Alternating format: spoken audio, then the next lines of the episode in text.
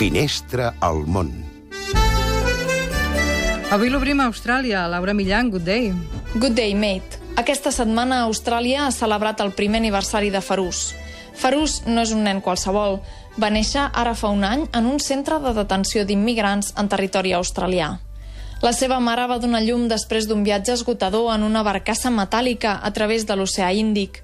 La llei determina que és australià tothom qui neix a Austràlia, però per a Farús i per a 100 nadons més la situació és ben diferent. Van tenir la mala sort que les seves mares arribessin a Austràlia de manera il·legal, amb vaixells.